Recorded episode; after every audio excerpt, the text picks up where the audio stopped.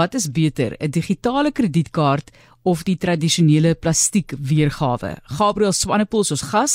Hy is die landshoof van Mastercard en ek is seker Gabriel, jy gebruik seker al lankal digitale kredietkaarte of hoe? Ja, nee, ek dink maar lief baie meer gerieflik om te gebruik eers daar.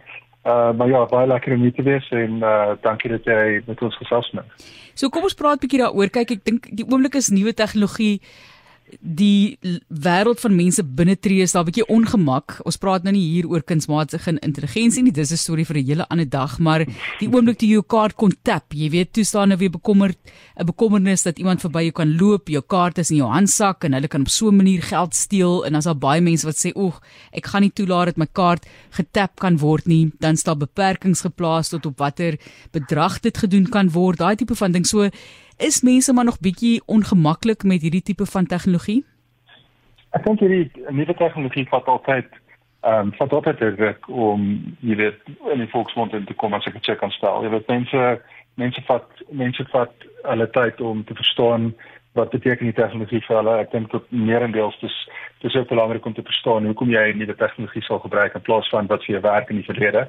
Ehm um, so dis dit is waar. Uh, mense vat langer om om nuwe tegnologie Tot nou maar ek dink wat waar is uit 'n digitale betalingshoogtepunt uit is dat ehm um, jy weet uit 'n kaarttransaksie of sekuriteits ehm um, perspektief ehm um, dat dit wel veilig is om te gebruik en meerendeels meer so veilig is aanlyn.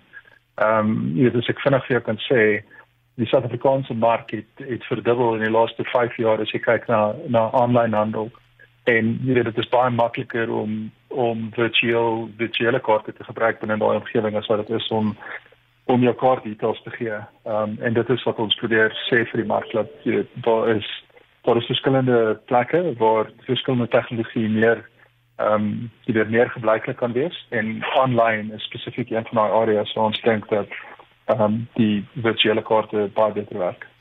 So hoe kan ek maar sê gewild is kaarte in Suid-Afrika. Ek ek dink regtig kontant het teruggestaan vir 'n ruk, maar daar sekerlik nog baie mense wat daarop staat maak. Hoe baie mense het kredietkaarte? Ja, kaarte is uh, kaarte is baie populêr. Ek wil hier die idee te gee, um, Mastercard het wêreldwyd oor die 2.5 miljard kaarte en in Suid-Afrika as jy kyk na die totale waarde uh, van kaarttransaksies uh in 2021 was dit rondom 1.7 trilljoen rand. Uh en ons kyk jy weet na groeikoers van omtrent 7% van nou tot tot in 2035. So kort is baie populêr. Ek dink die veelvoudigheid van kort is maak dit populêr. En ek dink in in 'n land soos Suid-Afrika waar veiligheid maar altyd dit in ons agterkop is, is dit um, is dit belangrik om om om digitale maniere te hê om om te kan betaal. Ja. Ja, dis baie, baie geld. Wat is die verskil dan nou tussen die digitale kredietkaart teenoor 'n tradisionele plastiek kaart? So ek dink jy moet eintlik maar vir ons verduidelik wat is 'n digitale kredietkaart? Ek moet bieg, ek het wel dit hele ruk terug nou almal Ek was eintlik so afgeskok want ek het nêrens af gehoor nie. En toe het vriende van my hulle selfoon uitgehaal gesê, "O, ek gaan nou betaal met my selfoon." En toe my kaart is op my selfoon. Toe ek heeltemal uit die bus uit want ek ek kon nie glo ek het nog nie daarvan gehoor voor dit nie. So daar's sekere mense wat dadelik hierdie nuwe tegnologie aangryp en dit gebruik. Geen net vir ons 'n idee van hoe verskil dit. Maar dis ek kan dink jy weet oor die laaste kom ons sê 10 tot 15 jaar hoe populêr selfone geword het. En dit is eintlik 'n deel van ons van ons daaglikse ehm um, jy weet dan ons doen alles op ons telefone ons jy weet van om met mense te gesels tot dan om om te koop en ek dink dat ons agtergekom het is dat as dit die verkieslike in die Engelse woord vir response factor is wat ons gaan gebruik het dit om om met mekaar waarde te te te handel dan met ons begin dink en daarna van wat is die toekoms van kredietkaarte of fisiese plastiekkaarte as ek dit kan stel. En daar was 'n groot projek, 'n wêreldwye projek wat ons seker gemaak het dat al die sekuriteit en presies dieselfde details en ehm um, ehm um, die verskillende goed wat bo op die kaart is wat jou uniek identifiseer, wat jou identifiseer as kliënt van 'n sekere bank en wat dan jy weet wys na jou rekening toe kan bo op die plastiek en ook dan binne die digitale kredietkaart um, vasgevang word.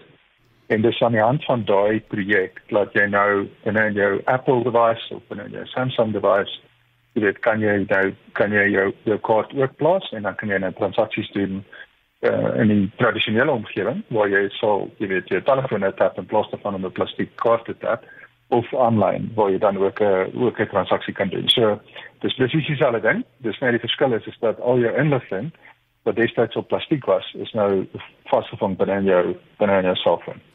Voordat ons nou kom oor die kom by die toekoms en wat vir jou opgewonde maak met met betrekking tot betalingstegnologie. Kom ons praat net gefvinnig oor mense se bekommernis oor veiligheid. So hoe veilig is daai digitale kredietkaart? Ek dink dit is maar die groot ding waaroor mense bekommer. Ek dink dit jy jy weet met ek ek dink dit is 'n baie baie groot vraag om te vra en ek dink dis waar daar ook 'n 'n klomp onsekerheid is en ek dink as ons baie duidelik kan maak, ek, om 'n digitale kaart te gebruik aanlyn is definitief veiliger as om jou plastiekkaart details weer te gee op 'n uh, jy weet binne 'n omgewing aanlyn waar jy miskien nie van tevore uh iets gekoop het nie en jy weet waar jy nie waar jy miskien nie weet wie die handelaar is nie. Jy weet die ehm um, ek dink wat baie keer gebeur is mense koop iets wat nie jy weet wat nie noodwendig ehm um, jy weet wat nie noodwendig by handelaar is wat wat wel bekend is nie en en dit maak dan die deur oop vir jy weet vir potensiële bedrog.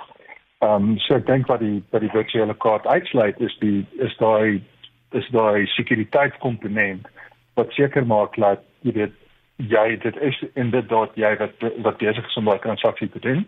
Dit is jy wat die transaksie goedkeur en sou daar 'n probleem later wees is dit baie makliker om seker te maak dat jy nie ehm um, jy weet dat dan nie dat jou kaart details nie dan versprei word en dit kan gebruik word vir transaksies wat wat jy ek wat jy eintlik glad nie gedoen het nie en waarmee jy niks te jy weet die nächste maak het nie.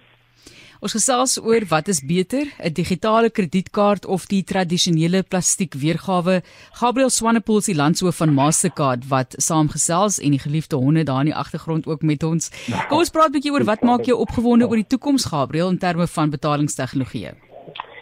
Ek dink wat liefde die, die grootste ding is is dat ons um, ons begin al meer uh, beweeglik raak as mense en dit is dat die internet ons amper volg op al die verskillende uh, platforms waarop ons werk, so gaan betalingsstelsels ook ontwikkel. En ek dink wat wat ons opgewonde maak is dat jy kan jy weer so by die huis los of by die huis los en jy selfs jou dit telefoon by die huis kan los as jy jou jou um, oefenings, jy weet smart horlosie byvoorbeeld aan het en jy wil eh, 'n uh, koffie gaan koop nadat jy gedraf het op 'n Saterdagoggend of uh jy weet waar jy ehm um, jy weet waar jy nodig het om om 'n betaling te doen wat miskien op 'n maandelikse 'n vlak moet gebeur maar jy jy sien dit nodig betrokke daarbey nie. En dink aan goed soos elektrisiteit jy weet of die of die manier jy gaan betaal vir water in die toekoms en ek dink die die manier hoe die digitale wêreld ons toelaat om om meer fleksibel en meer beweeglik te wees gee ons dan ook jy weet die geleentheid om betalingsstelsels uit te brei en dit gee meer beheer vir ehm um, vir verbruikers en en dit gee beheer vir verbruikers op 'n manier dat ons dat ons beter verstaan waar ons geld spandeer word en hoe dit spandeer word.